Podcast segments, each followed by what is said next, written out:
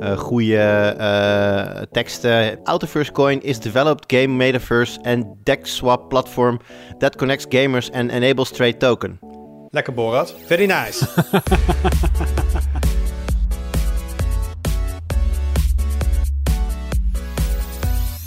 Hoi, leuk dat je luistert. Welkom bij de Tweakers Podcast. Mijn naam is Wout en vandaag zit ik in de podcast met Joris Jansen. Goedemorgen. Met Jurian Ubachs. Hallo. En met Arnaud Hokken. Hi. En het, uh, ik zeg goedemiddag trouwens. Ik weet niet hoe laat jij bent opgestaan, Joris. Maar uh, volgens mij is het toch al twee uur meer dat we dit opnemen. Maar, uh, maar volgens mij wordt die uitgezonden s ochtends, hè? Zullen oh, we zeggen. ja, helemaal rekening mee. Wat doe je dat goed? Jij doet goed, voor de mensen ja. die meteen intunen als hij online komt. Oké, okay. juist. Ik heb, ik heb niks gezegd. Um, gamen en tegelijkertijd geld verdienen. Ik denk dat Jur nu denkt, ja, dat, dat is mijn werk. Ja. Dat is wat ik al doe. En dat doe jij inderdaad als game reviewer. Uh, maar uh, nu kan iedereen dat eigenlijk. Niet iedereen kan game reviewer zijn. Maar met play-to-earn games kan je en spelletjes spelen en daar geld, of in ieder geval uh, ja, iets van waarde mee verdienen in de vorm van, van, van NFT's van je crypto wallet. Daar gaan we het vandaag over hebben. laatst heb jij er een, een, uitgebreid stuk over gepubliceerd. Dat maakte de tongen ook flink los. Want dit is wel zoiets waar de meeste mensen wel een mening over hebben. Dat maar is zeker precies... duidelijk. Ja, ja, hoe werkt het precies? Wat heb je eraan? En uh, ook natuurlijk wel, wat, nou, wat vinden wij er persoonlijk eigenlijk van? Maar eerst natuurlijk de highlights. Arnoud, wat is jouw highlight? Wauw, je begint bij mij. Zo hé, wat een trendbreuk. Um, ja, ik, uh, ik, uh, ik wil je graag vertellen over een, een rabbit hole waar ik, uh, waar ik in ben gevallen afgelopen twee maanden. En hij is fantastisch. Wow, twee maanden, dat is een, diep, een diepe hole is dat. Dat is echt een diepe hole. Ja, ik heb nu al, ik zit in mijn tweede boek en ik heb talloze uren op YouTube gekeken, denk ik. Een keer uur of tien al. En um, nou, heel veel muziek geluisterd. En, en het is het christendom. Op... Nee. En natuurlijk op Disney Plus, van daar, uh, Scientology. Oh nee, dat is ook niet Disney Plus. nou, dat, ja. dat, is nog niet echt goede gokken wat jullie doen. Dus uh, probeer het nog een keer. ik weet, denk ik, ik zie twee woorden staan in ons documentje namelijk. Dus ik denk dat ik weet wel waar dit naartoe gaat. Nou, waar gaat het naartoe?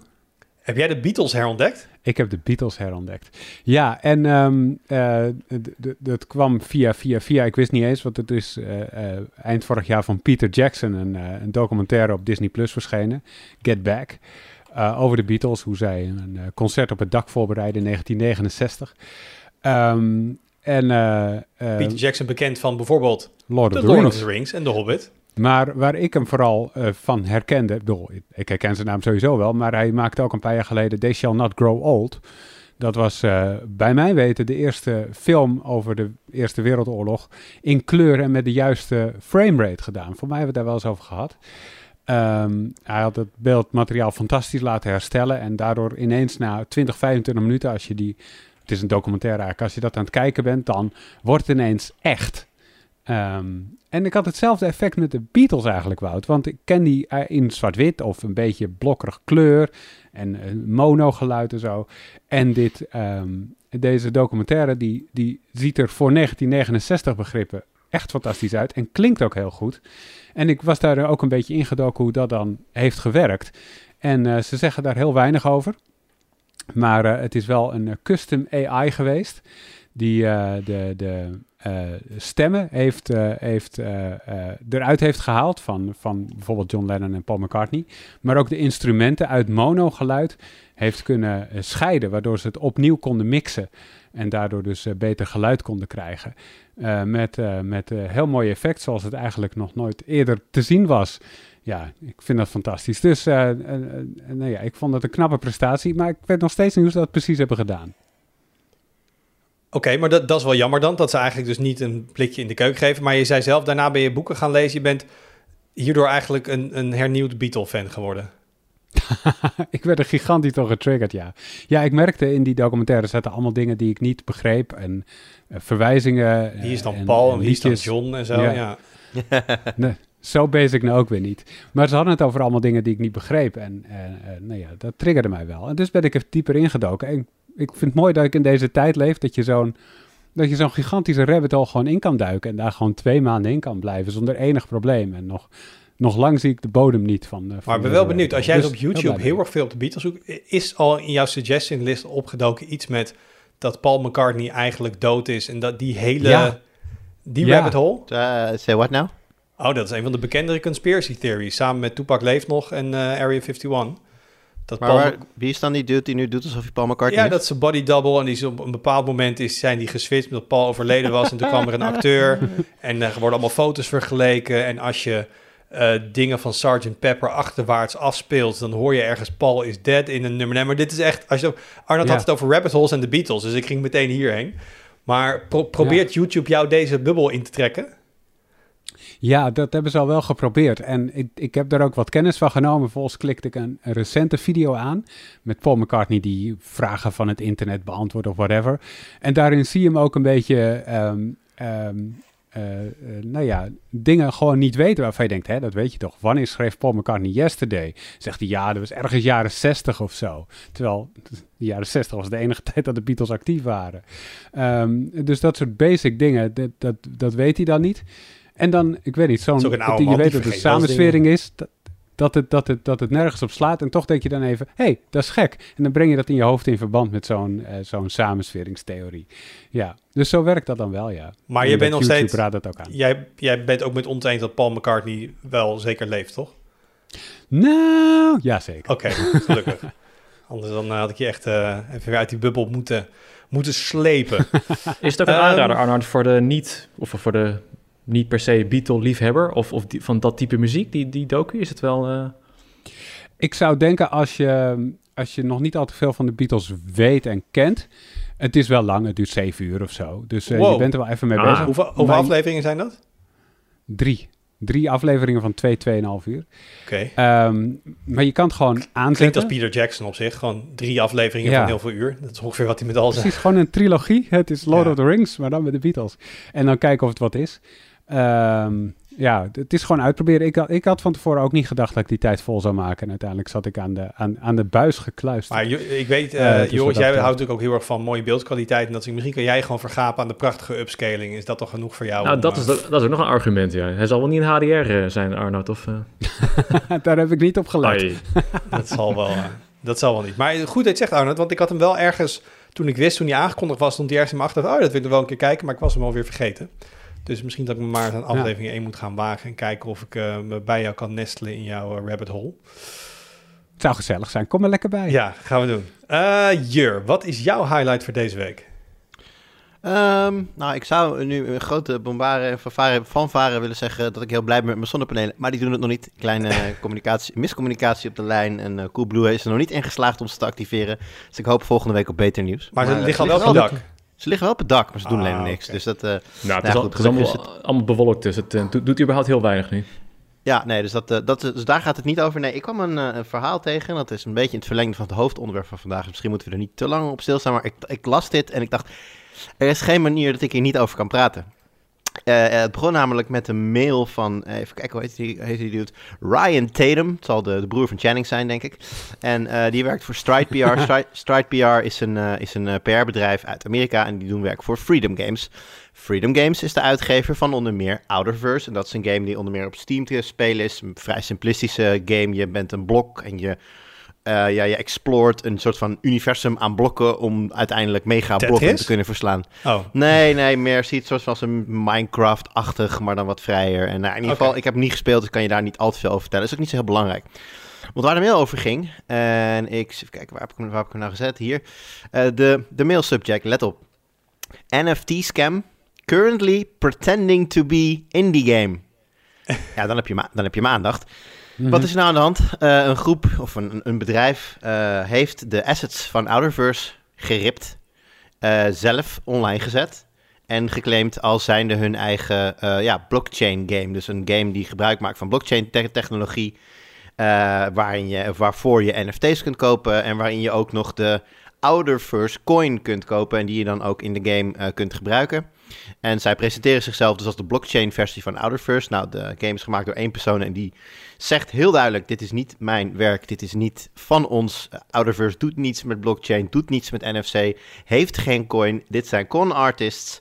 En uh, ja, ze maken misbruik van onze, van onze assets en van onze trademark. En uh, ja, Freedom Games probeert nu uit alle macht dat tegen te houden. Dat blijkt dus nog heel erg lastig. Ze hebben verschillende uh, ja, takedown requests gedaan van websites. En daaruit hebben ze vooral geleerd dat dit bedrijf dit al vaker heeft gedaan. En dat geen van hun fraudulente websites daadwerkelijk online zijn gegaan. Dus hier ligt voor de host, hostingbedrijven ook nog een, uh, een, uh, eh, een probleem volgens mij. Maar eh, ja, nou ja, in een tijd waarin NFT natuurlijk heel veel besproken is, is dit natuurlijk wel ja, as bad as it gets, zou je kunnen zeggen. Want eh, dat dit een, een, een, een, ja, een fuik is voor, om, om niets vermoedende mensen die hun geld in crypto willen stoppen in te laten lokken. Dat, dat mogen duidelijk zijn. Ik vond het vooral heel... Als je, als je, als je klaar bent met de, met, met de rabbit hole van de Beatles, is dit misschien wel een leuk rabbit hole om in te, in te duiken. Want NFT Zoveel vragen. Hoe, hoe, hoe, hoe bedenk je dit überhaupt? Maar oké, Ja. eh, criminaliteit en brutaliteit zijn van alle tijden.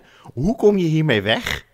Eh, Ja, niet. Waarom doet zo'n op- niks? Het wordt opgemerkt en ze proberen het nu, dus ze komen er ook weer niet helemaal mee weg. Maar, dus, Het maar is- wat, we- wat mij niet hebben, is het dat hebben ze daadwerkelijk een game gebouwd? Of zeggen ze, hey, dit is iets, we hebben, ze hebben een pagina gemaakt en koop hier je crypto voordat je het kan spelen? Nee, de game, zoals, zoals eh, ik het nu zie, is hun, vers, hun versie van de game, tussen aanhalingstekens. Want ja, die, ik zie niet in dat die ooit gaat komen. Er staat er hier, coming soon, play Outerverse, coming soon. Ehm, en zij noemen ze zelf, zelf Outerverse eh, Metaverse and Decentralized Platform. Oftewel de ja, Even, decentralized even metaverse erin, maar is die- goed voor je SEO. Ja, maar, maar de coin is al wel te koop. Draait op één, eh, draait op één exchange. Weet even uit mijn hoofd niet meer, eh, niet meer welke. Maar eh, of ik dat heel... ah, maakt verder niet zoveel uit. Het is iets van 0,000000201 dollarcent waard momenteel. 5% gestegen vandaag. ik weet ook niet hoe dat kan, maar dat, dat is ook nog zoiets. Dus ja, nee, fraudulente crypto bros die... ja, het, het, het- gewoon het werk van een, eh, van een, eh, een single eh, developer stelen en daar proberen geld mee te verdienen. Het is, eh, het is denk ik zo smerig en naar als het klinkt. Nou, we- gaan zo meteen nog verder over crypto en crypto bros. Maar, Maar, ze hadden ook allemaal logo's van het officiële game eh, gejat Ja, ja, ja. en alles. Hè? Dus ze hebben wel echt hun best gedaan om het te, doen lijken alsof het gewoon echt die game is. Ja, ze hebben de lo- logo van de game inderdaad gejat en dan inderdaad dat tekstje Metaverse en, en Decentralized eronder gezet. Ze hebben de, ehm, de achtergrond van de header van Twitter, geloof ik, van de game, die hebben zij gebruikt als achtergrond voor hun website, maar dan gespiegeld, want dan valt het niemand op. En eh, ja, nee, allemaal dat soort dingen dat je echt, echt, echt denkt van, Ja, de, de, methode, de methoden zijn hier nieuw. Maar ik bedoel, er zijn ook natuurlijk websites in het verleden die gewoon de hele inlogpagina van Facebook hebben nagebouwd of iets anders. En jou er proberen heen te sturen, zodat ze je inloggegevens hebben om geld te jatten. Ja, nu doen ze het via de hype van, komen we zo op, de hype van NFT in games. Ehm, het, voor mij zijn het de oude- hetzelfde criminele nieuw trucje, zeg maar. Maar deze is inderdaad zeker omdat het, als ze dit nou een grote studio hadden aangedaan, hadden veel mensen misschien gezegd, wow, maar als er dan gewoon een, een eenpersoons development team achter zit, zeg maar, dan, dan voelt het wel nog wat gemener. Ja. ja, kijk, en er staan ook, als je gewoon even goed kijkt, dan zie je op zich wel dat het eh, fake is. Want nou ja, een, een, een uitgever die daadwerkelijk een game uitbrengt, doet daar wel redelijk zijn best op en schrijft dan eh goede eh, teksten. Nou, zij schrijven teksten als: The Outerverse coin is developed game metaverse and deck swap platform that connects gamers and enables trade token. Lekker Borat. Very nice. Lekker pakkend. Ja, dat is dan dat je denkt van oké, als je een beetje beter gaat kijken, dan, dan zul je op zich kunnen achterhalen dat dit, eh, ja, dat dit geen zuivere koffie is, maar ehm, getuigen de stijging van de waarde van hun, eh, van hun coin. Het is dus, dat, dat is het enige niet-fraude stukje aan, want de, coin bestaat. Hij is, je kunt hem, het, het is volatiel en, en, en een valstrik waarschijnlijk, maar hij bestaat, je kunt hem kopen en waarschijnlijk als je het goed doet kun je er nog winst aan maken ook. Maar ja, dat doe je dan waarschijnlijk wel over, over de rug van mensen die eh, erin trappen en eh, ja, de slachtoffers van dit verhaal, zeg maar. Los van het feit dat natuurlijk de maker van de originele game ook slachtoffer is van dit verhaal, want dit is niet wat je wil met, je, met je game. ja, bastards. Joris, jij hebt het niet over bastards, toch? Je hebt het over mooie dingen. Eh, nou, het is wel een interessante bastard. Maar eh, James Webb eh, is aangekomen in de ruimte. Onze, onze big telescope bastard. Ja, dat was de highlight. Nee, nee ja, dat is natuurlijk weer een mijlpaal. Hè? Er zijn er al een paar geweest natuurlijk. Hè? Hij is op eerste kerstdag omhoog gegaan. Billen knijpen, billen knijpen. Maar hoe gaat het allemaal goed? Nou ja, achteraf is gebleken dat Ariane 5 hem wel echt bijna perfect heeft... nou ja, Slinger in heeft de goede gegeven. richting heeft gestuurd. Ja, dat was echt... eh, mede daardoor wordt er al eigenlijk verwacht dat hij veel meer brandstof over heeft... omdat die Ariane het zo precies heeft gedaan... dat hij veel minder brandstof nodig had voor die paar correctieburns. Dus dat hij dus straks waarschijnlijk langer dan de geplande vijf en zelfs tien jaar... misschien kan hij zelfs wel twintig jaar mee. eh, dus dat is ook al eh, goed nieuws. Maar goed, hij heeft natuurlijk een aantal mijlpalen doorlopen. Hè. Het zonneschild is natuurlijk uitgeklapt, dat is allemaal gelukt. Eh, de spiegel is nu uitgeklapt. Daar moeten nog wel een paar dingen... nog in de komende drie maanden met die spiegels heel precies worden uitgelijnd. Maar ja, hij moet ook wel in die baan om L2, hè, die anderhalve kilometer van de aarde, op dat punt, in die baan om dat punt heen komen. En dat is nu ook gelukt. Is iets meer dan anderhalf kilometer, toch?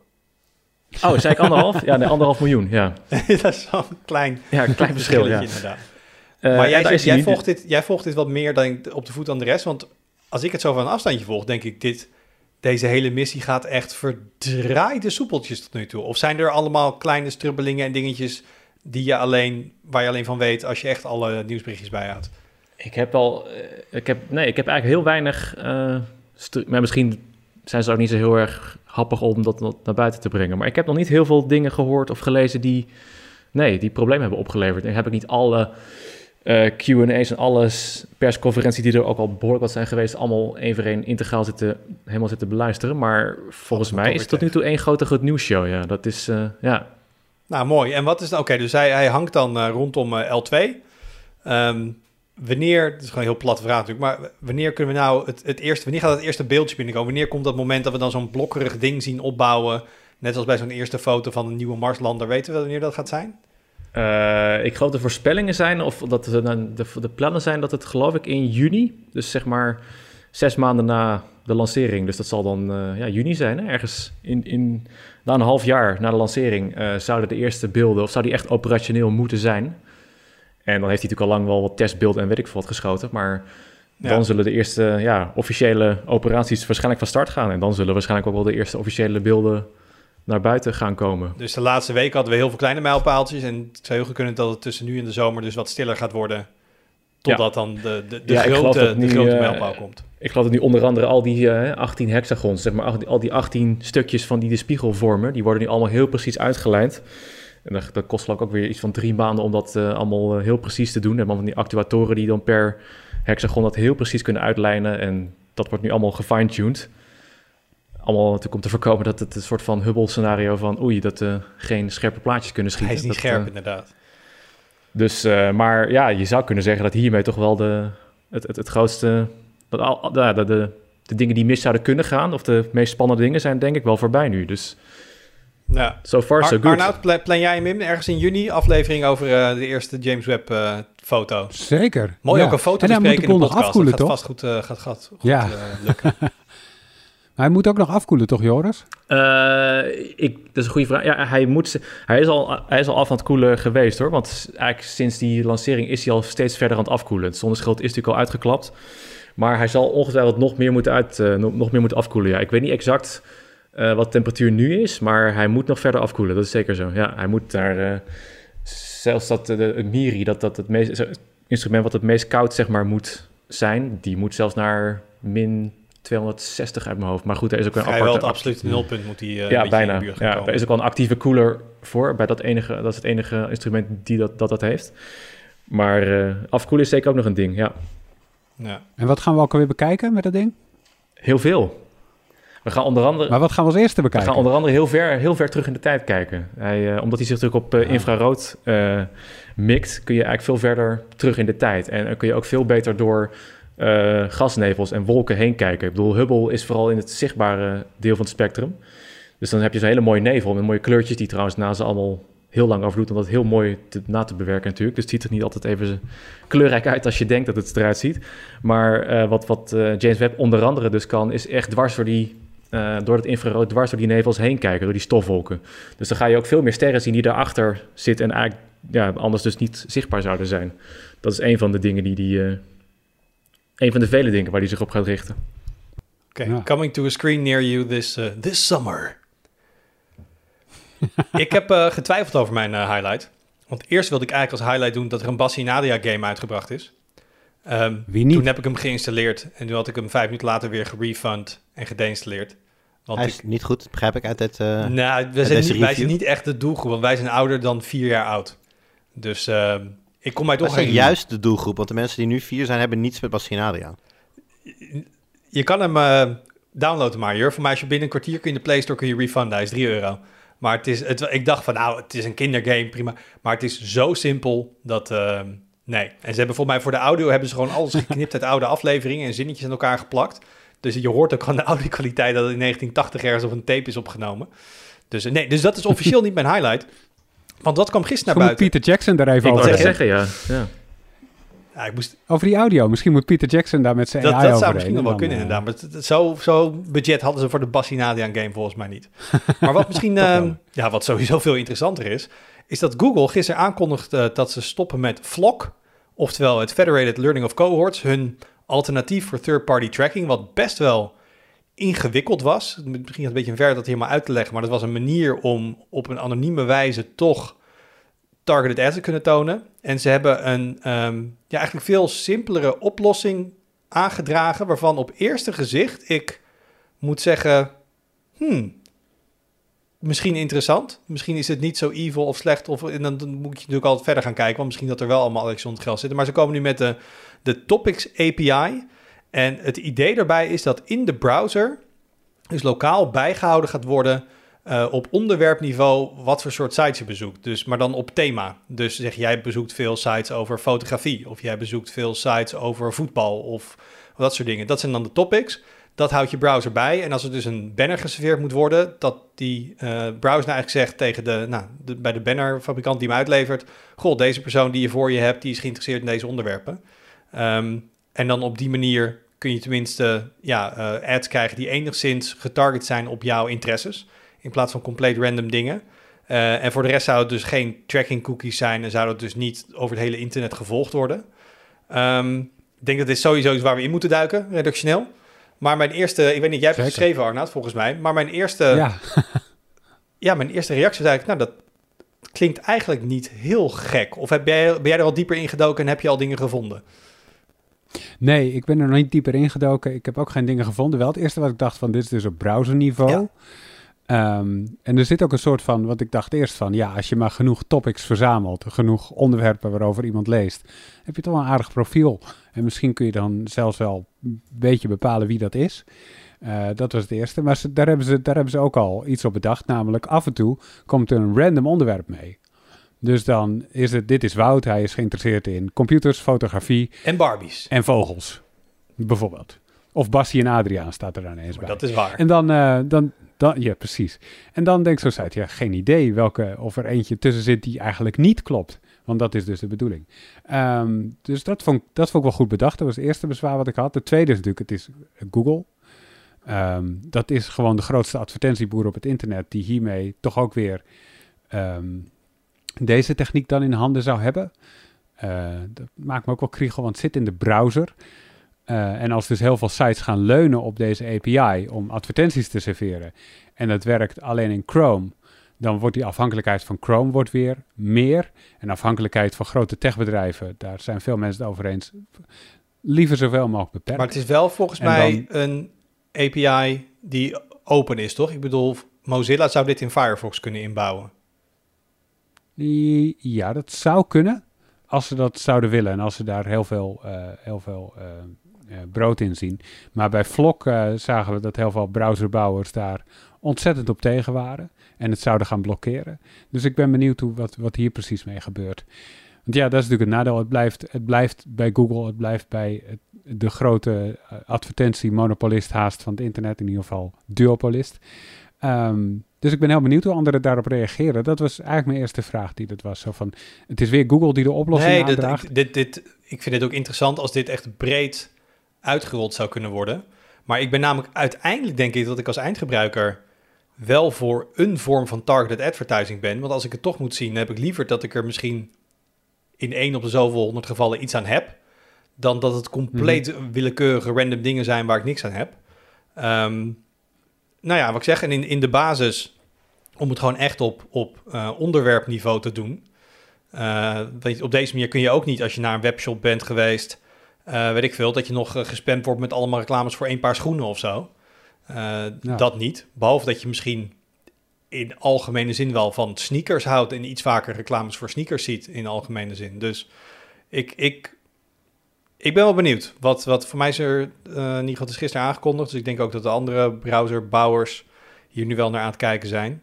Ehm, Ik denk het ook. Ik heb nog weinig reacties gezien, maar ik denk dat dat komende weken wel zal losbarsten. En dan eh, weten we meer over hoeveel, nou ja, hoeveel eh, weerstand dit oproept of niet. En dat het de nieuwe standaard wordt op het internet, dat zou ook kunnen. Ja, maar als wij nou dingen compleet over het hoofd zien en je zit nu de podcast te luisteren en denkt, Wout Arnaas, dat je pannenkoeken, natuurlijk is het geen goed idee.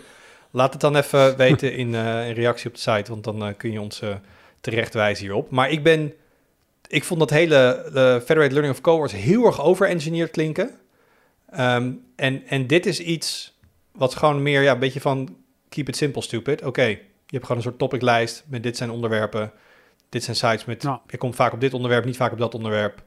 Um, ja. Nou, het zou misschien wel... Minimale data die je moet hebben om advertenties uh, gericht te maken. Ja. Maar, ja. Alright. Daar komen we vast nog wel een keer op terug. Of als het iets wordt, of als Google weer zegt van... Het was het toch niet, we komen weer met een nieuw ding. Want uiteindelijk gaan die third-party die, uh, die gaan er toch wel uit. Maar Jur die, uh, die introduceert het net al een beetje ook bij zijn, uh, bij zijn highlight. Uh, games waarbij je geld kan verdienen. We, we, kennen natuurlijk al, hè, van de laatste paar jaar als het over geld in games gaat... zijn er allerlei trends geweest waar we niet zo blij van werden. Van nou, hele dure DLC's, van de season passes hebben we het wel eens over gehad. Het hebben we natuurlijk gehad over dat je kan betalen om bepaalde perks in de game te krijgen.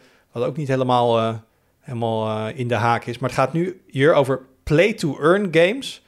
En ik denk dat het nog wel zo nieuw en niche is voor veel mensen dat ze misschien niet weten. Dus kun je enigszins kort samenvatten wat het is? Uh, nou ja, in de basis zeg je het goed. Hè? Het, is, het is gamen met uh, meteen al de gedachte daarbij dat je jezelf daar op enige manier mee gaat verrijken, uh, uiteindelijk. Ehm, in de basis is het geen nieuw concept. Um, we hebben bijvoorbeeld in het verleden bij iets als World of Warcraft wel gezien dat je uh, je goud bijvoorbeeld kon vertalen naar, uh, ik weet, misschien kan het nog steeds wel trouwens, naar kaartjes waarmee je dan gratis World of Warcraft kunt blijven spelen. En nou, dat is dan wel geen betaalmiddel, maar je hebt je dan wel ja, bespaard van een nieuw. Ja, dus in die zin werkt het wel. Je hebt, er zijn games geweest waarbij je wel daadwerkelijk in-game assets kon verkopen voor echt geld. Dus op zich werkt het, werkte het al wel een beetje links en rechts. Er waren er wel partijen die ermee experimenteerden, maar het is ja, geëxplodeerd, kun je wel zeggen, uh, met de opkomst van blockchain. Want uh, de blockchain-technologie en gaming hebben elkaar gevonden. En uh, waar play-to-earn games nu op neerkomen, dan bedoel ik in ieder geval, hè, ik gebruik het eigenlijk een beetje als verzamelnaam voor die games. Dus play-to-earn in zijn totaalheid is breder. Maar als je nu zegt play-to-earn games, ja, dan heb je het meestal over games die werken met blockchain. En dat uh, kan allerlei kanten op gaan, uh, maar gaat toch voornamelijk over het kunnen verdienen van uh, crypto tokens die je nou, kunt verhandelen op publieke exchanges, dus ook buiten de game om. En op het kopen dan wel verdienen van NFT's in de game, die je eventueel ook buiten de game om kunt verhandelen, kunt bewaren en ga zo maar door. Dus de, de in-game currency wordt heel makkelijk om. Um, nou, dat de in-game currency is de, is de crypto. En daar kun je dus... Ja, dat kan. Het, het, het, het verschilt. Uh, bijvoorbeeld, um, Infinity heeft twee verschillende uh, crypto's eigenlijk. En de een doet andere dingen in het spel dan de ander, maar beide zijn ze apart verhandelbaar op exchanges. Uh, je kunt ook nog steeds wel gewoon een in-game goud, zilver, brons systeem hebben, wat je dan in-game kunt gebruiken om hè, de crypto token mee te kopen. Dat is, dat is een optie. Je kunt er in de game zelf alle, alle kanten eigenlijk mee op. Maar het komt er inderdaad op neer dat je op een gegeven moment iets doet met, met een cryptocurrency, dan wel NFT's. En dit heeft er dan niks mee te maken. Het is niet zo dat als ik deze game speel, dat mijn PC dan als miner wordt ingezet of zo om dit te doen. Het is echt onderdeel van die game dan. In principe is dat wel uh, waar ik vooral heb naar geprobeerd te kijken. Uh, nou, ik heb ook gesproken met Robert Hogendoorn. Dat is een, uh, nou, een expert. Die volgt die markt al, al, al, jaren. Is vroeger ook gamejournalist geweest. En die zei wel... Um, het is een vrij troebel speelveld op dit moment. Omdat er ook, uh, ja, hij noemde dat dan GameFi, staat dan voor Game Finance. En dat is eigenlijk nog steeds, dat, dat kan zijn inderdaad minen, alleen dan wordt het miningproces wat visueler gemaakt ja, dat is, dan is er niet veel game aan. Dan ben je inderdaad wel gewoon nog steeds je rekenkracht aan het, aan het gebruiken. En dan gebeurt er kennelijk op je, op je beeld iets. Ik heb daar zelf niet echt voorbeelden van gezien. Dus ik weet, ik kan me niet helemaal. Ik, heb, ik ga een beetje op zijn uitleg af over wat dat dan is. Maar in dat geval ben je nog steeds aan het minen. Uh, wat ik bedoel met play to earn is dat je inderdaad wel gewoon. Nou, hè, je bent een poppetje, je gaat een quest doen. Je verslaat ergens een draak en daar krijg je inderdaad een bepaalde beloning voor. En die beloning leidt je dan, als het goed is, naar het hebben van, uh, ja, van meer online assets, zoals uh, de games het graag willen noemen. Oké, maar pak, laten we bij dat voorbeeld blijven. Dus ik ben, ik ben, ben, ben een poppetje en ik ga een quest doen en ik uh, slay een dragon. Dan krijg ik in mijn in-game account krijg ik daar centjes voor. Wie, wie betaalt mij? De maker van de game gaat mij dus geld geven omdat ik zijn spel speel. Maar waar, dat moet toch ergens vandaan komen? Nou, in principe wel. Alleen, kijk, als, stel dat je nu zo'n game helemaal nieuw op de markt zet, dan is eigenlijk die crypto natuurlijk nog helemaal niets waard. Dus het is heel makkelijk om dan te zeggen van, jij hebt zoveel voor van deze token nu. Het wordt pas interessant als die token zelf meer waard gaat worden. En dat gebeurt uiteraard als er spelers komen, als er, eh, ja, als er geld ingestoken wordt ook door spelers. En dat, dat is om twee redenen is dat een, een, een heikel punt. In de eerste plaats... ehm, leidt het een beetje naar tot de situatie dat je eigenlijk niet echt kunt beginnen met verdienen als je niet zelf eerst hebt geïnvesteerd. Moet je inkopen Eh, je in je game eigenlijk dan. Ja, je ziet bijvoorbeeld als je Axie Infinity als voorbeeld neemt, die, je, ja, je verdient daar met Axies, dat zijn die, die beestjes, die moet je eigenlijk kopen om dat te kunnen doen. En die Axies zijn zelf nu om te kopen al heel erg duur, omdat ja, zijn, ze zijn niet ongelimiteerd. Eh, volgens mij kun je ook betere hebben die meer kunnen verdienen. Ja, die zijn ook duurder, dus je zult moeten investeren, wil je daar echt tussen komen. Je kan het ook zien als een game waarbij je eh, heel veel moeite moet doen eh, voor nou, quests bijvoorbeeld. Maar wellicht wil je dat helemaal niet. En dan kun je bijvoorbeeld ook een winkel in het spel kopen. En dat kost dan natuurlijk meer. Hè? Je moet dan meer investeren. Maar iedereen die quest gaat doen, koopt vervolgens bij jou misschien wel potions, wapens, dat soort dingen. Dat is een beetje het, hele idee van ehm, ja, de economie. Alle facetten van die economie eh, liggen bij spelers. In plaats van dat er één ja, controlerende macht is, namelijk de gamemaker die zegt van bij deze winkel moet jij 20 goud betalen en dan heb jij dit zwaard. Nee, dat is dan in principe ook het domein van een andere speler. En het vechten tegen andere spelers doe je in een arena. En er is ook weer een speler-eigenaar van die arena. Dus het, het is, er, komt veel meer een soort eh, zelfstandige economie op gang. Volgens de theorie in ieder geval. Dat is, dat is een beetje hoe je het zou willen. En die gamemaker die verdient die geld aan, omdat toen die kan, Ja. als het spel wordt opgestart, dan ben jij natuurlijk eigenaar van die crypto. Dus zij kunnen gewoon zorgen dat zij een hele grote hoeveelheid hebben. En als het dan meer waard wordt en meer waard wordt, omdat er meer verhandeld wordt, dan groeit hun vermogen ook van zo'n ontwikkelaar. Eh, ja, daar ga ik wel vanuit. Ik moet zeggen, ik vond dit een heel ehm, troebel, of een heel lastig doordringbaar eh, onderdeel om doorheen te komen. Eigenlijk, de meeste gamemakers lopen ook niet echt heel erg te koop met zo gaan wij geld verdienen. Ik heb wel ook eh, wat teksten gelezen van gamemakers die aangaven dat zij bijvoorbeeld met een per transactie fee werken. Ja, dan is het natuurlijk ook duidelijk hoe, zij, hoe ze Ja. geld verdienen. Ehm, ik vind het een beetje moeilijk om daar een mening over te hebben. Gewoon omdat het nog zo'n jonge markt is. En ik ook niet, niet weet wat voor de speler beter uitpakt. Bedoel, Wat heb je liever? Dat de maker van de game zelf op een gigantische berg van die, eh, van die munten gaat zitten. En dan hoopt dat het, dat het waar wordt. Ja, dan heb je volgens dan, dan, dat is volgens mij de definitie van een bubbel. Of heb je liever dat ze afwachten tot het populair wordt. En dan inderdaad eh transactiefees eh, pakken. Nee, en maar dan ik, ik vraag me gewoon af van wat what's in it voor de gamemaker om überhaupt zo'n soort game te gaan maken. Die willen natuurlijk uiteindelijk ook er geld mee verdienen. En die gaan het ook niet doen om het, om het weg te geven. Maar je Maar hebt ja, nu over ik, een... als, ik het goed begreep was bij Axie Infinity, ben je al honderden dollars, euro's kwijt om überhaupt in te stappen, toch? Dus dan verdienen ze ook al in die zin behoorlijk wat. Nou ja, die, die, honderden, die honderden dollars die gaan natuurlijk in principe niet per se naar de makers. Nee, oké. Het gaat natuurlijk naar de spelers Naar die op de dat moment in-game die, economy. die acties verkopen. Ja, Ja. maar als het is, we hebben het over een systeem waar je jezelf moet inkopen in de hoop dat je daarna je inkoop terug kan verdienen of kan verhogen. Eh heet dat ook Ja, niet dat wat is de mensen wel eens een situatie wel. piramidespel noemen? Die, eh, die suggestie wordt zeker gedaan. En dat is denk ik eh, bij heel veel games ook wel terecht.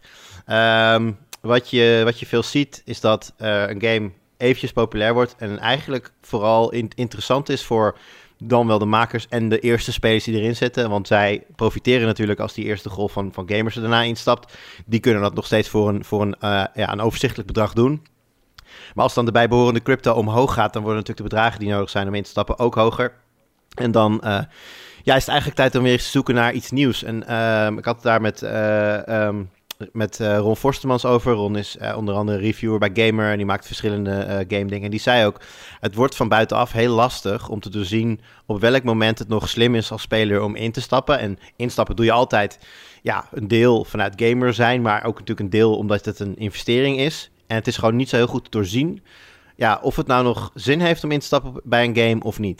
Dat is een beetje hetzelfde met gewoon crypto in brede zin. Van, Ja, als je te laat bent in de markt, dan ben je precies. Als je te laat bent in de markt, ben je te laat, ga je je geld verliezen. En dat is eh, in alle markten zo. En dat is hier eh, net zo hard aanwezig op dit moment. Ja, en ik als reviewer kijk daar dan naar en ik denk van oké, maar dat zou minder erg zijn als de game zelf heel erg leuk is. Als je gewoon een hele goede game aan het spelen bent en misschien investeer je dan minder of misschien investeer je niet. En dat betekent dan ook dat je eh, nou, niet heel veel zal verdienen. Maar als de game zelf gewoon goed is, is dat natuurlijk niet per se erg. Kijk, en dat is wel iets wat nog heel erg ontbreekt op dit moment. Ja, daar wil ik zelf op bij terugkomen. Eerst even, eh, Joris, jij bent ook een redelijke gamer. En je zit hier ook wel in. Heeft, heeft dit aantrekking voor jou, dit, dit type games? Nee, eigenlijk nul. Ehm, wat, precies wat Jur zegt, zolang de, de games moeten eigenlijk nog stukken leuker worden, wil ik dat... Kijk, ik speel een game niet om te speculeren of om geld te willen verdienen. Ik speel het gewoon nou ja, om te ontspannen of om lol te hebben. En niet om daar uiteindelijk financieel voordeel van te hebben. En ja, zolang dat uh, gewoon puur qua gameplay en gewoon puur qua spelplezier... Het, het, het nog niet op een niveau zit wat je hoopt dat het... Nou ja, of dat het zou moeten zitten, ja, dan heb ik daar eigenlijk helemaal geen interesse in. Arnoud, sta te trappelen? Nee, absoluut niet. En het lijkt me ook lastig uh, voor, uh, voor uh, game reviewers en gamejournalisten. Want die moeten zich nu een beetje gaan gedragen alsof ze financieel journalisten zijn die over aandelen schrijven. Want het is eigenlijk precies hetzelfde. Als je een game reviewt en je beveelt hem aan en er zit zo'n systeem in, dan ben je degene die hem onder de aandacht brengt. En als je een zeker platform hebt, dan kan je daar zelf dus geld aan verdienen. Letterlijk, direct. Dat is, uh, dat is iets wat me heel erg is opgevallen uh, toen ik op zoek ging naar nou ja, content over uh, crypto of, of over play-to-earn games. Hè. Je gaat je inlezen van wat is er al over geschreven, wat vinden mensen ervan. En heel veel van de grootste, ja, de, de, de, groot, de best bekeken filmpjes op YouTube, de grootste contentmakers op de socials ja, die hebben namen als Crypto King en dat soort dingen. En dan denk ik ook, ja, en dan, dan, dan, dan, dan, danger, dan, danger. nemen ze bijvoorbeeld de, de vijf uh, beste crypto games van de maand, nemen ze dan bijvoorbeeld met je door. En ja, dan, dan, komt dan een zesde gesponsorde titel tussendoor. En dan denk je ook wel, ja, dit is, dit is wel precies waar, hè, waar wij als Tweakers redactie natuurlijk al, voor waken. Gewoon redactie en commercie apart. Ja, dat, die, die scheiding bestaat eigenlijk in, in, in ieder geval. En misschien zie ik iemand over het hoofd die het wel gewoon te goede trouw doet. Dat zou kunnen. Maar van wat ik heb gezien zit daar gewoon heel veel bij die gewoon letterlijk gesponsord worden door uh, ja, de, de makers van die games. Uh, dus ja, in hoeverre dat dan onafhankelijke goede adviezen zijn, dat uh, vind ik moeilijk in te schatten. Maar je zei net al eventjes, hè, dat zei uh, Joris ook en jij ook, ja, die games moeten beter worden. Uh, je noemde net twee voorbeelden. Op, op welk niveau zitten deze games nu? Is dit een beetje, we hebben natuurlijk ook al vaak genoeg een discussie gehad over mobile games en de, diepgang daarvan. Nou, tegenwoordig uh, heb je voor mij ook hele first-person shooters op mobile, maar het was lange tijd was het natuurlijk gewoon um, Fruit Ninja en dat soort dingen. Dus hoe, ja, hoe diepgaand zijn deze games op dit moment? Nou, kort antwoord niet. Het zijn niet hele diepgaande games. Het komt, het komt eigenlijk altijd neer op, op, op um, ja, iets opbouwen waarmee je dan kunt vechten op welke manier dan ook, duelleren met andere spelers. Um, het komt neer op um, ja, een soort van Second Life-achtige omgevingen waarin je allerlei dingen kunt doen. Volgens mij, je hebt een game, uh, The Sandbox. Nou, dat, dat, dat kan echt allerlei kanten op. Je kunt daar in werelden stappen waarin mensen uh, ja, hele bedrijven hebben opgericht. Waar je kunt aanmelden en taakjes kunt doen voor dat bedrijf voor ja, kleine rewards. En je kunt natuurlijk na, nagaan dat iemand die, dat bedrijf, die boven dat bedrijf zit, ja, daar uh, uiteindelijk meer aan verdient dan dat jij zal doen. Um, maar het is allemaal, het is allemaal heel simplistisch. Het ziet ook heel simplistisch uit. Uh, ja, het is allemaal het een beetje. Stel je de grafische kwaliteit van Minecraft voor. En je zit bij heel veel dingen al, al redelijk in de buurt van. Uh, ja, van wat er nu te spelen en te zien is. Nou, is dat wel een ding dat de komende tijd zou kunnen gaan veranderen hoor. Want uh, ja, wat je veel ziet, is dat veel van die gamemakers nu. Uh, ja, wat, wat meer ervaren mensen aan het uh, aannemen zijn. Mensen die eerder aan echt grote games hebben gewerkt. Uh, je ziet ook steeds vaker Unreal Engine terugkomen uh, in aangekondigde projecten. Unreal Engine 4, zelfs Unreal Engine 5 heb ik al ergens, ergens gezien. Ja, dat, dat zou moeten betekenen dat we in ieder geval op visueel vlak een, uh, een stap voorwaarts gaan zien naar iets dat er in ieder geval uitziet als een wat, wat serieuzere game. Ja, kijk, dan moeten de gameplay-elementen natuurlijk nog mee. En dan moet je nog eens een keer, wat, wat Arnoud net terecht zegt, dan moet je nog eens een keer afwachten of het hele financiële element eromheen niet enorm veel afbreuk doet aan, aan die game. Maar het, het, toont mij in ieder geval wel dat er op het gebied echt van gewoon puur kijken naar kwaliteit, dat er in ieder geval wel dingen geprobeerd worden en dat er een stap lijkt aan te komen. En als je het nou omdraait, zijn er grote gerenommeerde gamefabrikanten die aan hun al hele mooie, grote, diepgaande games nu denken, hé, hey, daar kunnen we een laag toevoegen. Wat je zelf zegt, je hebt al games met in-game economieën. Um, maar zit daar beweging? Gebeuren daar dingen? Dat zeggen, oké, we hebben al een in-game economie, we gaan nu gewoon een manier maken waarop je dit um, ook kan mixen met de real-life economie? Ja, dat uh, is al geprobeerd. Uh, onder andere Ubisoft heeft natuurlijk iets zoiets gedaan, al waren dat NFT's. Dat ging niet echt met, um, uh, met een cryptocurrency volgens mij. Maar ja, je kunt ervan uitgaan dat elke grote uitgever er nu naar kijkt. Want hè, er wordt geld aan verdiend, dus kijkt iedereen ernaar. Maar wat ik momenteel zie, is dat er zoveel afkeer is onder gamers tegen, dit hele, ja, tegen deze hele markt eigenlijk dat het voor uitgevers wellicht slimmer is om zich publiekelijk uit te spreken over deze ontwikkeling en het aan te geven dat ze het niet gaan doen. Om, eh, ja, om hun eigen eh, community maar binnenboord te houden. Eh, Stalker, de nieuwe Stalker game die in ontwikkeling is, zou die kant op gaan. Nou dat, heb- dat heeft de maker heel snel teruggetrokken toen inderdaad bleek dat niemand de game meer hoefde te hebben dan. Dus ehm, ja, dat, is- dat is wat je meer ziet eigenlijk dan, eh, dan echt ja, dat het overal in terug wordt gebracht nu. Wie, wie was het nou? Was het niet iemand bij Square Enix of zo? Een uitgever die zei... Ja, nee, maar onze uh, gebruikers onze game willen heel graag NFT's hoor. Dus we, die, die had zo'n heel rooskleurig verhaal... waar volgens mij ook echt niemand...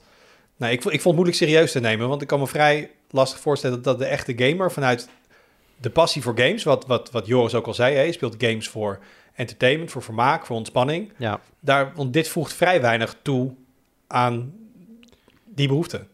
Nou ja, goed, klopt. En ehm, nou ja, om Ubisoft als voorbeeld te nemen, ik weet even niet meer eh, hoeveel het exact was, maar onlangs verscheen er inderdaad een bericht dat het hele NFT-plan, eh, dat zat in Ghost Recon geloof ik, dat had eh, na enkele maanden een totale waarde aan van 1200 dollar gehad, aan wat, of nog minder zelfs, aan wat eraan verhandeld is.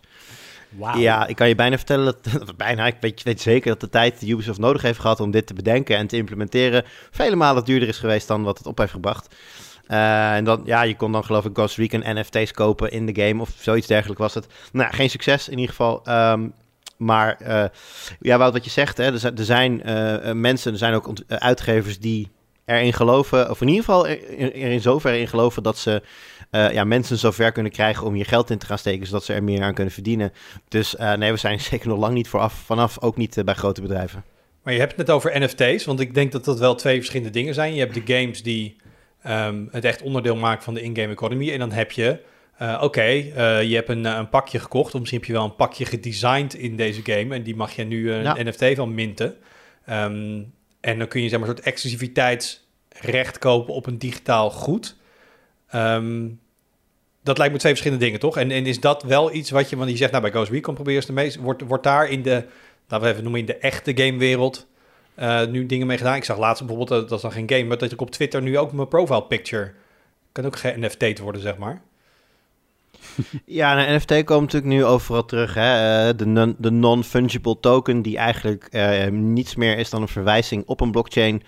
En die verwijzing die laat zien dat jij, Wout, de eigenaar bent van dit plaatje.jpg. Alleen wat dit plaatje.jpg is, ja, dat kan volgens mij in theorie nog steeds eenzijdig veranderd worden ergens op een server. Maar eh, dat is een technische discussie waar we niet per se nu over hoeven te praten, want dat valt vast op te lossen.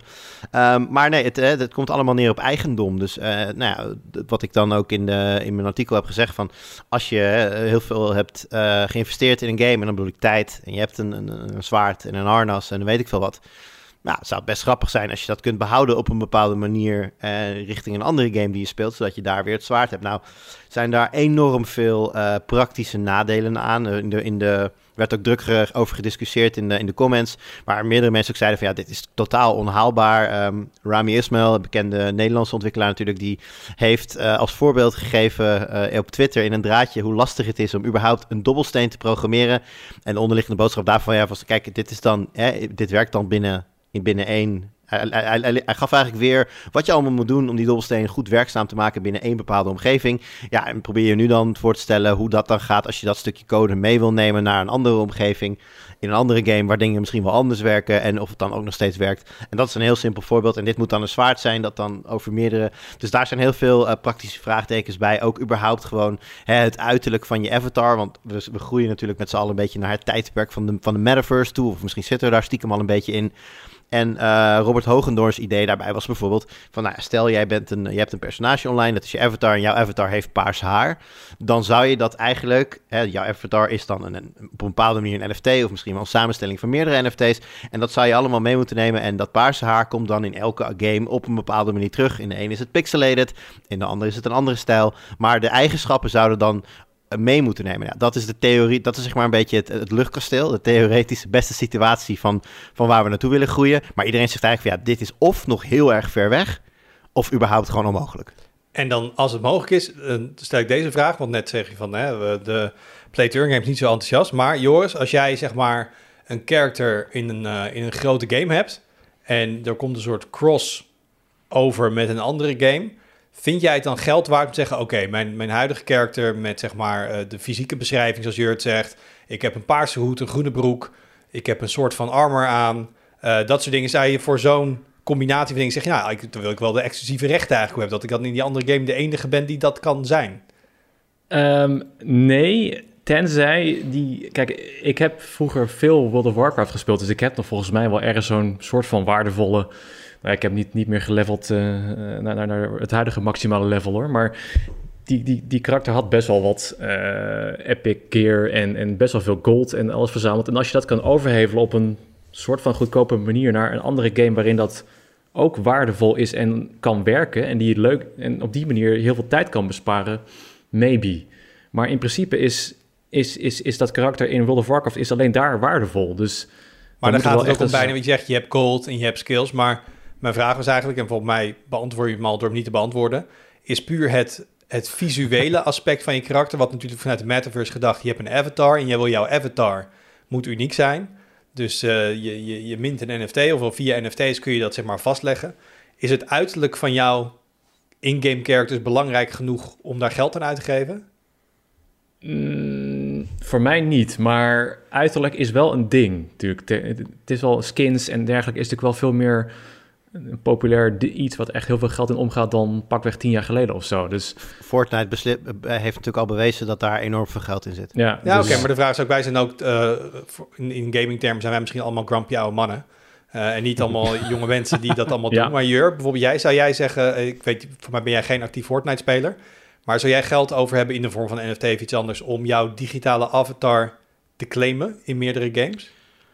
Nee, zeker niet. Maar op het moment dat je een hele on- eh, populaire online game speelt... en wellicht is er een bepaalde quest waarbij je iets kunt earnen... wat gewoon echt hè, lastig te, eh, te bereiken is. Nou ja, goed, hè, Joris noemt net Epic, eh, Epic Gear in World of Warcraft. Ja, als je daarmee loopt en mensen die het veel spelen... die zien dat ook. Die zien, hé, hey, wacht even, jij hebt... de helm van een of andere superdwarf. I don't know. Ik, speel die, ik heb die game in 2004 voor het laatst gespeeld. Dus I don't know. Maar, ehm, dwarf, mooi. ja, nee, maar die zien dat wel. Dus op zich, eh, op zich snap ik de aantrekkingskracht van iets dat, dat, dat moeilijk te krijgen is. Zeker als je dat. eh, eh, nou, kijk, even heel kort, kleine misvatting. Een NFT hoeft niet per se uniek te zijn. Een NFT eh, eh, maakt, geeft eigenlijk een soort van unieke ID-code aan jouw item. Dat is het meer. Het is, het, het is, het is eh, die, die kunstwerkjes waar er dan 10.000 van zijn. En als je hem dan thuis hebt staan, dan kijk je op de achterkant en dan staat er: jij hebt nummer 459 van 10.000. Zo, zo moet je het eigenlijk een beetje zien. Dat is een uniek item, maar het hoeft niet per se te betekenen dat er niet hetzelfde item nog eens een keer kan bestaan met een andere eh, ID. Ehm, maar je kunt, het, het is dus wel van jou. Dus je kunt altijd jouw item door, eh, doorverhandelen aan ander. En eventueel ooit in een gekke situatie, als je misschien wel een jas verkoopt hè, online aan iemand, eh, die gekke Subway jas, NFT, weet ik veel wat. Ja, als je dat ooit weer terugkoopt, zou het precies die kunnen zijn. Het is, dus dat is een beetje de, de uniekheid. Het is niet dat een item, een zwaard, een jasje maar één keer hoeft te bestaan. Dat is, een, die, dat is niet de uniekheid die er bedoeld wordt. Dat is een misvatting. Oké, Maar ik denk wel dat jullie even elementen over het hoofd zien. En dat is namelijk ehm, eh, zelfherkenning. Eh, op het moment dat jij een avatar hebt gemaakt. En ik ik spreek hier even uit ervaring. Ik had jarenlang een hele mooie Mii op de Nintendo Wii. Ehm, helemaal naar mezelf aangepast. Daar heb ik een paar jaar mee gespeeld. En vervolgens zag ik in YouTube-video's mensen die eigenlijk exact dezelfde Mii hadden. En dan denk je toch, dat ben ik. Ik ben daar aan het spelen. En, en ik denk dat dat element, als, dit, als dat hele metaverse echt ehm, eh, eh, tot bloei zou komen, dat je dit gewoon hebt en dat je dan denkt van als ik dat op de ene manier kan claimen, dat ik dat ben en ik kan dat overal mee naartoe nemen, dat ik het niet de hele tijd hoef in te stellen, dat het wel degelijk waarde heeft voor mensen. Want je ziet onmiddellijk, dat ben ik die speelt. Ja. Ook, al, ook al lijkt het Maar dan niet eens kom je inderdaad eh, in het praktische probleem dat stel jouw poppetje staat inderdaad, bestaat uit een bepaald type shirt dat jij graag draagt en een bril en een haarstijl. Ja, al de, alle experiences waar jij dan hè, binnen, de, binnen de metaverse, om het zo te noemen, naartoe gaat. Of dat, eh, je gaat misschien een voetbalspelletje spelen of je gaat een draak verslaan.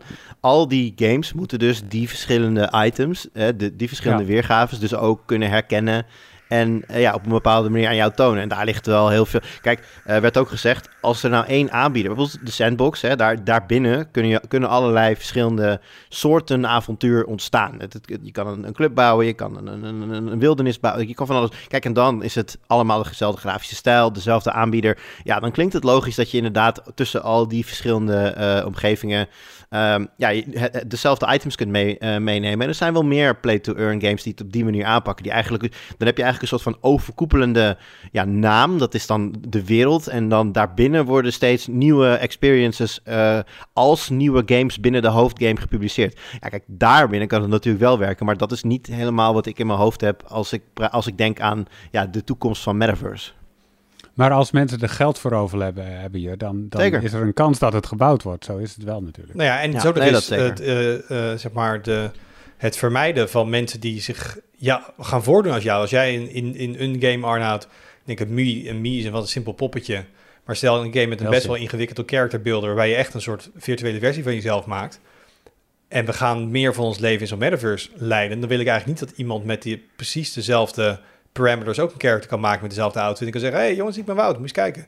Eh, dus ergens wordt het dan, als je in-game character zo realistisch wordt en zo'n onderdeel van je, je, je zijn, dan wil je ook niet dat iemand zich kan voordoen als, als jij. En Dan Ja, zou dit een oplossing voor kunnen zijn. Maar dan moet je dus niet wat je hier zegt zeggen, ik ben Arnoud 200 van 200. Dan moet je kunnen zeggen van in deze, deze combinatie van character features en kleding en skins is uniek voor mij en niemand anders mag die hebben. Ja. Maar waarschijnlijk heb je dan al zoveel kledingstukken, armor pieces en weet ik wat verzameld... dat je überhaupt je eigen karakter al niet eens meer ziet.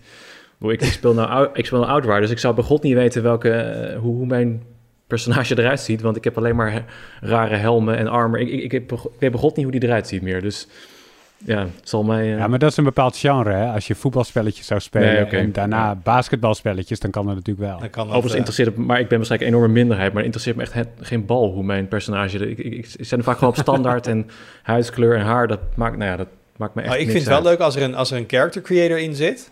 Eh, dan kan ik in RPG's, dan kan ik best wel eerst twee uur blijven rondhangen om Echt aan neuzen te. Twee uur? Wat? Ligt aan, Wauw. ligt aan hoe, gewoon als je echt aan de neus trekt, en dan de oren, en dan een beetje huidskleur, en dan de ogen, en dan weer kleding. Dan denk je, ja, toch nog eventjes dit iets met, met dat doen. Nou, misschien is twee uur overdreven, maar Anderhalf. hoe uitgebreid die is. Maar eh, het is toch de character waar je de hele game tegenaan moet kijken. Zeker. Ja. Van de Eh, achterkant soms alleen maar. Misschien nog even, even heel kort, ook een beetje vanwege de tijd, maar we hebben het de hele tijd over blockchain. Ehm, en eh, ik denk dat ik elke week wel in mijn ehm Twitter-feed iemand voorbij zie komen die eh, de, de, de stroombenodigdheden van een bepaalde blockchain vergelijkt met de totale stroombenodiging van een land ergens in de wereld. Dus het hele idee dat dit natuurlijk heel veel rekenkracht kost, dat, dat is niet nieuw. Ehm, wordt daarnaar gekeken hier met dit soort dingen om, om dat soort dingen helemaal te beperken? Of is het eigenlijk nog eventjes bovenop alles wat er eh, nu al is? Nou ja, dat laatste sowieso. Maar er wordt op allerlei manieren wel hard gewerkt om eh, ja, de, de manier waarop het eh, milieu belast wordt, om dat te beperken, uiteraard. Ik denk misschien het beste voorbeeld hierbij is eh, Ethereum, dat eh, ja, ergens dit jaar, als het goed is, naar Ethereum 2.0 gaat, waarbij ze volgens mij overstappen van proof of work naar proof of stake, wat meteen zou moeten betekenen dat het een stuk minder ja, milieubelastend is. Want in de notendop, proof of work is eigenlijk een race waarbij degene die hè, de ongelooflijk moeilijke berekening als eerste uitrekent, dat die beloond wordt met nou, Bitcoin, Ether, net, net welke blockchain je gebruikt. En proof of stake werkt anders. Daar ja, wordt er eigenlijk een, een soort van berekening samen opgelost. En degene met de hoogste stake, dus wie eigenlijk dat meestal heeft in die blockchain, die maakt de meeste kans ook om, eh, om, ja, om de beloning te krijgen, zeg maar. Waarbij je meteen al aanvoelt van oké, dat is dus een systeem dat de rijken automatisch wat rijker gaat maken. Uh, maar het is ook een systeem dat al die grote mining farms die, we, die je wel kent van foto's uit China en zo, in principe onnodig maakt. Oké, nou dat is tenminste wel fijn dat ja, niet- maar en even om, uh, bij Play to Earn is het zo dat uh, de meeste games die nog van uh, proof, of, proof of work netwerken gebruik maken, die zitten niet op die hoofdnetwerken. Dus die en uh, Ethereum zou veel te duur zijn, want elke transactie is, die je doet is dan alleen al de transactiekosten zijn dan nou ja, tientjes tot, tot honderden dollars. Um, ze zitten dan op, op, op, ja, op, op zijkettingen eigenlijk van, van, die, uh, uh, van die chains. Nou, hoe dat dan technisch werkt, dat kan ik je niet uitleggen. Dat, eh, dat, is, dat gaat mijn technische pet dan net erboven. Maar het is in eerste instantie uh, dacht ik dat proof of stake zeg maar de grote oplossing zou zijn voor de problemen die proof of work had. Maar ik heb daar nog even na afloop, zeg maar eigenlijk toen het artikel al online stond, heb ik daar nog even met Krijn Soeterman over, uh, over gebabbeld. Nou, dat is natuurlijk onze, onze favoriete freelancer die praktisch alles weet over dit onderwerp. Maar hij, hij, gaf ook hij heeft letterlijk het voor Dummies boek geschreven over... nou ja, dat. En hij heeft mij toen ook geholpen om er even snel een updateje te plaatsen op de pagina waar het, over, waar het inderdaad over proof of work en proof of stake gaat. Om even duidelijk te maken, er zijn ook manieren je, waardoor je dus met die, uh, met die, uh, die, side, die sidechains uh, kunt werken voor games. Dan heb je dus niet proof of stake nodig. En dat zou ja, dat heeft ook voordelen. Want wat ik zeg, proof of stake heeft dan weer andere nadelen. Het maakt de rijken rijker. Um, het risico dat één partij die blockchain kan controleren is groot. Omdat ja, dat doe je eigenlijk als je 51% van die blockchain bezit. Dan hè, als je 51% van uh, ja, het, van, van de crypto die daar aanhangt bezit, dan heb je eigenlijk controle over, de, over die blockchain. Want ja, de stake beloont jou en jij bent groot aandeelhouder op dat moment. Dus ja, dat is dan weer niet uh, decent, volledig decentraal. Dus de mensen die hier heel diep in zitten en die geloven in uh, de ideologie erachter, ja, die verfoeien dat eigenlijk, want dat gaat tegen het principe van, van een decentralized network in. Dus nee, daar, daar zitten allerlei haken en ogen aan vast. En dat is misschien om, om af te sluiten, Wout, mijn, eh, mijn grootste conclusie van dit hele, dit, dit hele avontuur. Is dat het onwijs uh, gecompliceerd in elkaar zit. En dat du moment dat je denkt, oké, nu snap ik het, is echt het moment dat je op de rem moet drukken en dingen moet gaan opzoeken en jezelf moet checken en Krijn Soeterman moet bellen. Want dan uh, zit je er waarschijnlijk nog steeds ruim naast. Het, je kan er ongelooflijk veel mee. Het gaat alle kanten op. Iedereen probeert wat anders. Dus uh, ja, nee, het, we zitten nog in een fase van veel experimenten en veel leren. You know nothing, Jurgen Nubas. I know nothing. Precies. Mooi afgerond, uh, Dan wil ik nog even nog vooruitkijken naar wat er op de site verschijnt. Um, als je dit op donderdag luistert en je hebt de site niet gecheckt, uh, doe dat vooral. Want dan zie je daar de eerste uh, review staan van een nieuwe collega van ons. Uh, dat is Donne van Kersenberg. Die is bij ons aan de slag gegaan als, als mobile reviewer. En die heeft de Realme GT Neo, Realme GT Neo 25G. Echt, ze worden steeds sexier. Die telefoon. ah, mooie naam ook, hè? Die, ehm, die heeft hij voor zijn rekening genomen.